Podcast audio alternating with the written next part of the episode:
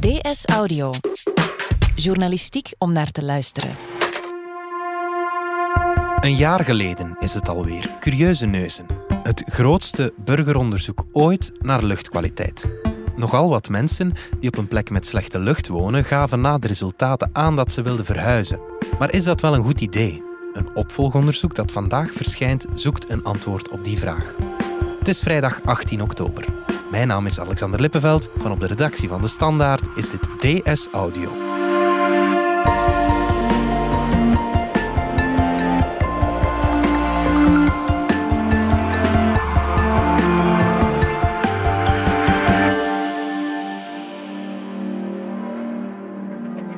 Curieuze neuzen. Curieuze neuzen, curieuze neuzenmeting. Grootste burgeronderzoek ooit in Vlaanderen. De luchtkwaliteit, stikstofdioxide, Stikstofdioxide opgevangen in een straat meten. Zo krijgen de onderzoekers een gedetailleerd beeld van de kwaliteit van de luchtkwaliteit in Vlaanderen.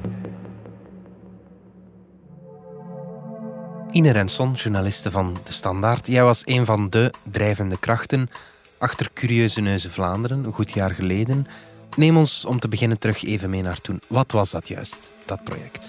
Curieuze Neuzen Vlaanderen was het grootste burgeronderzoek ooit naar luchtkwaliteit. Het grootste burgeronderzoek ooit in Vlaanderen. Een samenwerking tussen de Vlaamse Milieumaatschappij De Universiteit Antwerpen. en deze krant. Ja. Ehm, daarin wilden we nagaan hoe het nu echt gesteld was met de kwaliteit van de lucht eh, in Vlaanderen en meer bepaald hoe groot eh, de concentraties zijn van stikstofdioxide, we noemen dat NO2, de belangrijkste indicator voor verkeersvervuiling. Gemiddeld bedraagt de uitstoot 22,8 microgram per kubieke meter. De Europese norm zegt dat het maximaal 40 mag zijn, dus dat zit goed. Ja, dat was nog nooit onderzocht. Eh, nee, toch niet op die schaal. Er waren wel al eh, lokale metingen, die zijn er nog steeds via 60 officiële meetstations. Er zijn ook theoretische modellen. Maar eh, met Curieuze Neuzen Vlaanderen hebben we eigenlijk die modellen afgetoetst aan de realiteit. Hè. Door 20.000 Vlamingen twee proefbuisjes aan hun ramen te laten hangen en een maand lang de werkelijke vervuiling te meten in hun straat. Een goede graadmeter voor de luchtvervuiling door verkeer, vooral door dieselwagens. Dus het was een soort van grote factcheck. Ja, een reality check kun je wel zeggen. Hoe is het nu werkelijk op straatniveau gesteld met de luchtkwaliteit in Vlaanderen? En dat was toen, vorig jaar, voor het eerst gemeten. Meer dan 20.000 keer. Die resultaten van die 20.000 metingen die zijn dan in de krant verschenen en op de site standaard.be met onder meer een gigantische stippenkaart. Dat was spectaculair. Ja, dat was de, de befaamde stippenkaart die heel Vlaanderen ondertussen kent, denk ik. Ja. Op die kaart werden alle resultaten geplot met kleurencodes. En een groene bol betekende dan dat de luchtkwaliteit oké was. Een oranje bol dat het niet zo geweldig was. Een rode bol dat je luchtkwaliteit slecht was. En die kaart zat eind vorig jaar bij de krant en op de site. Curieuze Neuzen heeft van luchtkwaliteit dan een heel belangrijk thema gemaakt. Wat waren daar eigenlijk de belangrijkste conclusies van? Ja, de belangrijkste conclusies waren, dat zag je ook op het eerste gezicht eigenlijk, dat die kaart bijna een soort lappendeken was. Hè. Een kleurboek, omdat de verschillen echt eh, heel uitgesproken waren van straat tot straat. Ja. Dus je kon echt hebben in een bepaalde stad dat er eh, hele goede groene bollen in zaten, donkergroen en ook paars of zwart. Dus dat Ja. kon op een aantal meter van elkaar of een paar honderd meter van elkaar enorm verschillen. Ehm, je zag ook in grote lijnen de steden eruit springen op de kaart. Hè. Je zag vooral Antwerpen, Gent, eh, Kortrijk, Leuven, zo grotere steden, die sprongen er tussenuit. Dus het platteland, zeg maar, was ehm, veel groener. Ehm, maar wat je ook wel zag, is dat er overal in Vlaanderen hotspots waren van Ja. slechte luchtkwaliteit. Dus ook tot in de kleinste gemeenten hebben we vastgesteld dat er de Europese normen worden overtreden. Ja. Of dat er op zijn minst ehm, straten zijn waar je heel sterk verhoogde concentraties hebt.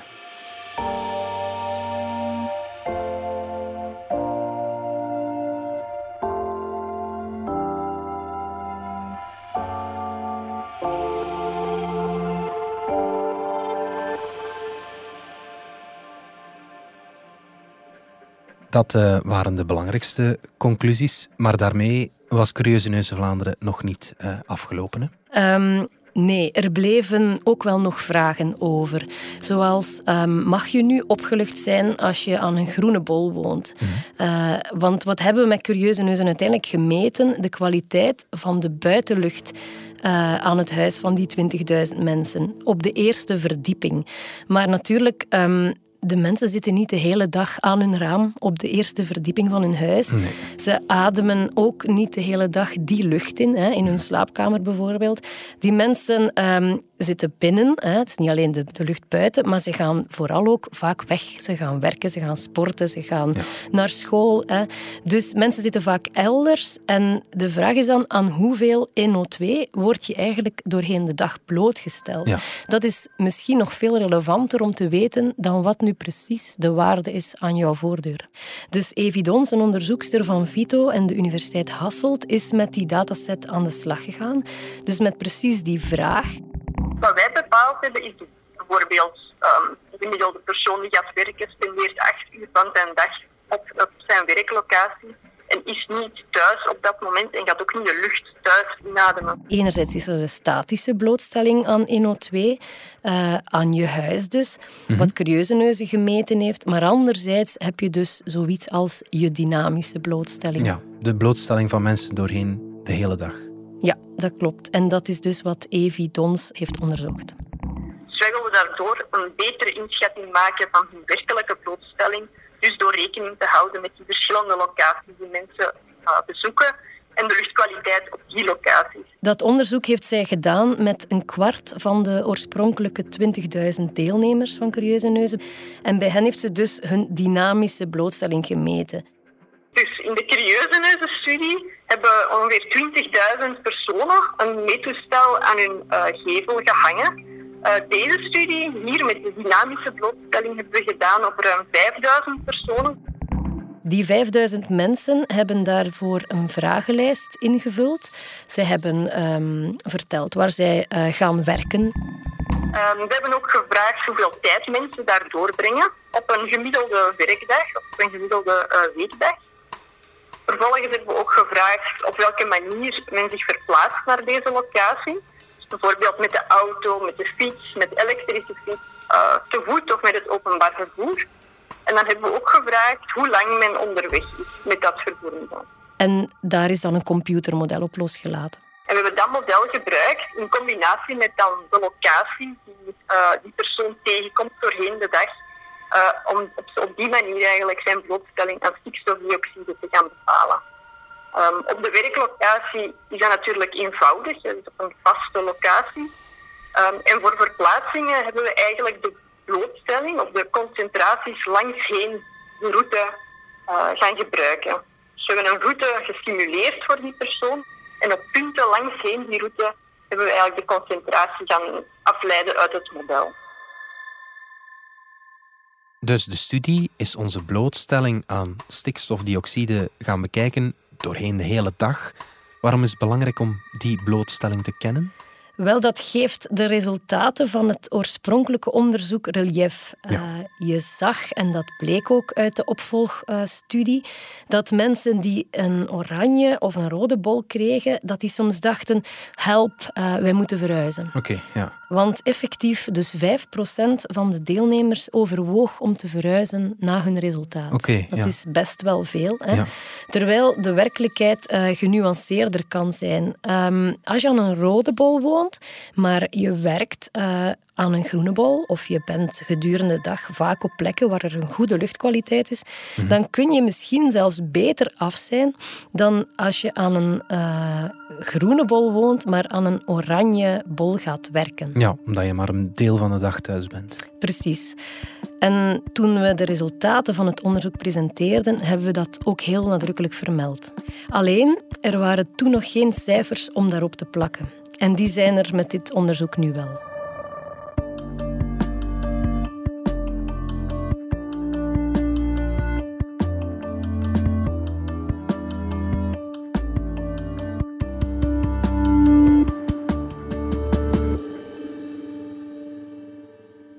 Laten we eens kijken naar die cijfers. Wat leert dat uh, opvolgonderzoek ons? Wel, dit nieuwe onderzoek leert ons verschillende dingen. Ten eerste dat die gemiddelde dynamische blootstelling, dus voor alle deelnemers samen, zeg maar, gemiddeld iets hoger is dan de statische blootstelling. Oké. Dus dat is wel over de hele dataset samengenomen. Hè. Samengerekend um, was de statische blootstelling van alle mensen die meededen, van die 20.000, gemiddeld 22,8 microgram per kubieke meter. En de gemiddelde dynamische blootstelling is 24,1. Dus een verschil van 1,3 microgram. 1,3 klinkt nu niet zoveel, maar op de kleurenschaal kan dat wel zijn dat je dus van kleur verandert. Hè. Ja. Opnieuw, dat is een gemiddelde voor iedereen. Hè. Er zijn mensen die heel veel stijgen of heel veel zakken in kleur. Gemiddeld over de hele dataset uh, stijgt het een beetje. We hebben gezien voor de meeste deelnemers dat die dynamische blootstelling een klein beetje hoger ligt dan de statische blootstelling. Uh, nu, op zich betekent dat niet heel veel. Hè. Die dynamische blootstellingen veronderstellen dat dat een, een betere benadering is van, van de werkelijke blootstelling van een persoon eerder dan die statische blootstelling. Die verschillen zijn niet heel groot, dus je gaat daar niet onmiddellijk een, enorm gezondheidseffect aan kunnen liggen. Uh, maar die zijn wel opvallend. Tegelijkertijd uh, wordt het extreme ook een beetje afgezwakt. Dus gemiddeld zien we met de dynamische blootstelling ook minder overschrijdingen van de Europese norm. Ja. Dus minder bollen die echt uh, in het rood gaan. Een soort zeg maar. vervlakking ergens. Een soort vervlakking, een Ja. beetje, ja. Ja. Dus je kan ook zeggen, mensen met een hoge waarde aan hun woning, die verlagen hun blootstelling door zich doorheen de dag te verplaatsen naar plekken met lagere concentraties. Ja. En omgekeerd, als je een lagere concentratie thuis hebt, krijg je meestal een hogere dynamische blootstelling, omdat je je dan in het verkeer begeeft en naar andere plekken gaat. Dus mensen op het platteland met een groene bol hebben een hogere dynamische blootstelling dan, dan hun statische blootstelling is. Die kans is groot. Ja, Ja. die kans is groot. eh, zeker als je vaak in de auto zit. En je ziet dat bijvoorbeeld erg goed in de Antwerpse rand. Je hebt daar een groene eh, residentiële buurt. Ehm, dat zagen we ook op de Curieuzenhuizenkaart. Dus heel veel groene, zelfs donkergroene bollen in gemeenten zoals Capelle, Braschaat, Schilde of Soersel. Ja. Ehm, als je van die mensen die deelnamen aan het tweede onderzoek, als je daar naar hun nieuwe dynamische blootstelling keek, dan zag je dat die hun bolletjes plots veel geler kleurden. Omdat die vaak gaan werken in Antwerpen, waar de Voilà. situatie veel slechter is. Absoluut, dat Ja. is het. En die mensen die daar wonen, zijn vaak mensen die ook met de auto pendelen. Ja. Waar, waar dan de blootstelling ook hoger is. En het is wel opmerkelijk, want daar eh, in de rand rond Antwerpen zie je dat de score, dus de concentratie, 20 tot soms ruim 30 procent hoger kan liggen dan de waarde thuis. Dat is toch wel echt al een groot verschil. Ja, inderdaad. Is dat enkel in Antwerpen zo, of ook in eh, andere steden, of rond andere steden? Een vergelijkbaar fenomeen zien we effectief ook in de Brusselse rand en in mindere mate ook eh, in die van Gent.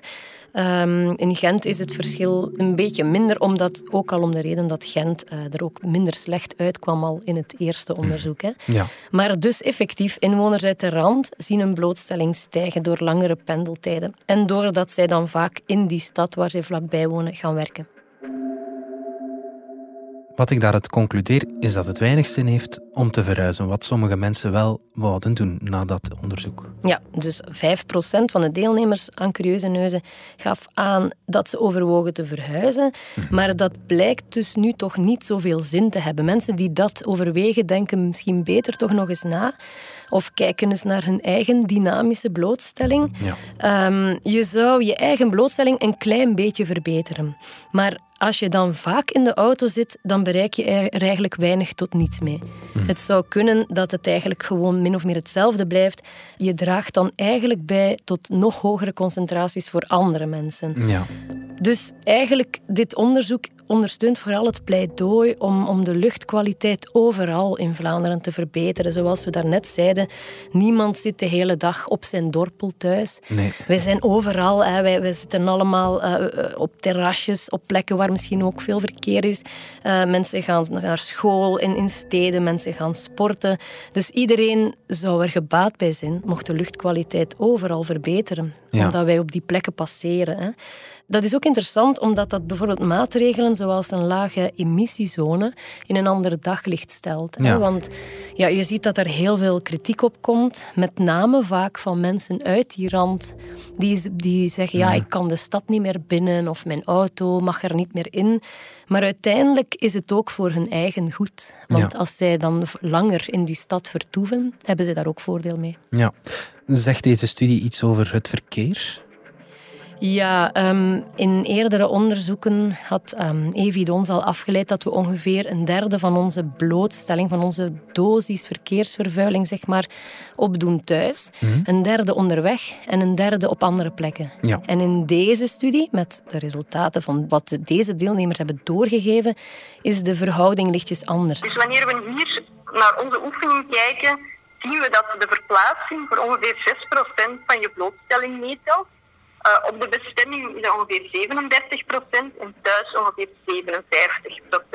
Dus we zien dat nog altijd wel het thuisadres de grootste bijdrage is van je werkelijke blootstelling, maar dat toch uh, die blootstelling op je bestemming en onderweg toch ook wel een belangrijke impact hebben op je daggemiddelde blootstelling. Kom je aan 57% thuis en maar 6% onderweg. Ja, oké. Dat komt ook omdat uh, hier hebben we gewoon rekening gehouden met één bestemmingsplek doorheen de dag. Dus Ja. het is niet op basis van ingewikkelde dagboeken. Het is nogal. um, Je staat op, je gaat werken en je Voilà. gaat terug naar huis. Maar ja, de realiteit is anders De natuurlijk. realiteit is anders. En meestal eh, gaan mensen nog eens langs de supermarkt of moeten ze eerst nog ergens hun kinderen afzetten. Daar is nu allemaal geen rekening mee gehouden. Dus dat is al één ding. Eh, anderzijds is ook het directe effect van files uitgevlakt hier. Dus files zullen er wel in zitten, omdat ook in de modellen waarop eh, dit onderzoek is gebaseerd, als, je, als er file is, ben je langer onderweg. Dus het zal een langere rijtijd zijn, dat is meegenomen. Wat niet is meegenomen, is dat tussen aanschuivende auto's de concentraties plaatselijk heel sterk verhogen. Ja. En dat concentraties zich ook opstapelen in je auto. Je auto wordt eigenlijk een, een soort rijdend vat van eh, NO2 ook. Ja, hè? ja, ja. En dat zit daar niet in. Dus daar houdt deze studie ook geen rekening mee. Ook bijvoorbeeld het effect van files, het directe effect van files, daar kunnen we op dit moment geen rekening mee houden. Um, en ook nog een belangrijke factor is waar we ook geen rekening mee houden op dit moment, is de hoeveelheid ingeademde lucht. Um, wanneer je bijvoorbeeld op de fiets zit, ga je duidelijk veel meer ademen dan wanneer je thuis bent. Dat is ook zoiets als je te- in onderweg bent en je bent zeker als je ook fietst bijvoorbeeld of wandelt, adem je sneller Ja. en adem je dus meer luchtvervuiling in. Terwijl als je thuis bent en een groot deel van, het, van de tijd die we thuis zijn, liggen we gewoon in bed, Ja. ademen we veel rustiger, waardoor dus er gewoon minder luchtvervuiling minder binnenkomt. is, ja, ja. En bovendien zit je thuis ook nog eens binnen. Ja. Hè? Dus al die dingen betekenen eigenlijk dat de impact vooral van onderweg zijn hier wordt onderschat en van thuis zijn misschien een beetje overschat. Mhm. Met andere woorden, als je vaak in de auto zit, ehm, zou het wel eens kunnen zijn dat jouw dynamische blootstelling nog een stukje hoger is dan wat hieruit blijkt. Ja. Dit is één opvolgonderzoek na eh, curieuze neuzen. Mogen we er nog verwachten? Ja, ehm, eind november of begin december komt er nog iets over de maatschappelijke impact van curieuze neuzen. Oké. Dus wat is nu de impact geweest ehm, op het denken en handelen van de deelnemers en andere doelgroepen? Ja. Eén ding zeiden we al, hè, dat 5% van de deelnemers overwoog te verhuizen. Maar zo zijn er nog dingen. En ook de impact die er geweest is op lokaal en regionaal beleid. Maar ehm Evi Dons, die onderzoekster, zegt ook... Ik droom ervan om, om daar nog veel verder in te kunnen gaan. En mensen echt... Het is wel grappig, maar ze zeggen zo echt... Mensen met die twee meetbuisjes op stap moeten kunnen laten gaan. Ja, ja, ja. Een maand lang, à la limiet, een jaar lang, met een soort gordel om. Ik weet niet of dat eh, realistisch is, maar met een soort draagbare eh, toestellen. En dan kan je natuurlijk echt meten aan welke vervuiling mensen echt blootgesteld zijn. Wat het Ja. verschil is tussen binnen- en buitenlucht. Eh, want over binnenluchtkwaliteit is ondertussen ook wel al iets te doen. Eh, wat het echte effect is van in de file zitten of van met je fiets tussen uitlaatgassen rijden. Dus dat soort dingen ehm, kan je nog veel fijner onderzoeken eigenlijk. Goed, Ine Renson, dankjewel. Dit was DS Audio. Wil je reageren? Dat kan via dsaudio.standaard.be. In deze aflevering hoorde je onderzoekster Evi Dons, journaliste Ine Rensom en mezelf, Alexander Lippenveld. De redactie gebeurde door Wouter van Driessen. Wouter deed ook de eindredactie. De audioproductie was in handen van Brecht Plasgaard en Pieter Schrevens. Brecht Plasgaard schreef ook de muziek die je hoorde in deze podcast. Chef audio is Wouter van Driessen. De extra audiofragmenten die je hoorde kwamen van VRT Nieuws. Vond je deze podcast interessant? Weet dan dat je er elke werkdag in kunt beluisteren. Dat kan via de DS Nieuws app of via standaard.be-audio. Je kunt je ook abonneren via iTunes, Spotify of de podcast app van je keuze. En als je daar dan toch bent, schrijf gerust een review. Zo toon je ook anderen de weg. Maandag zijn we opnieuw.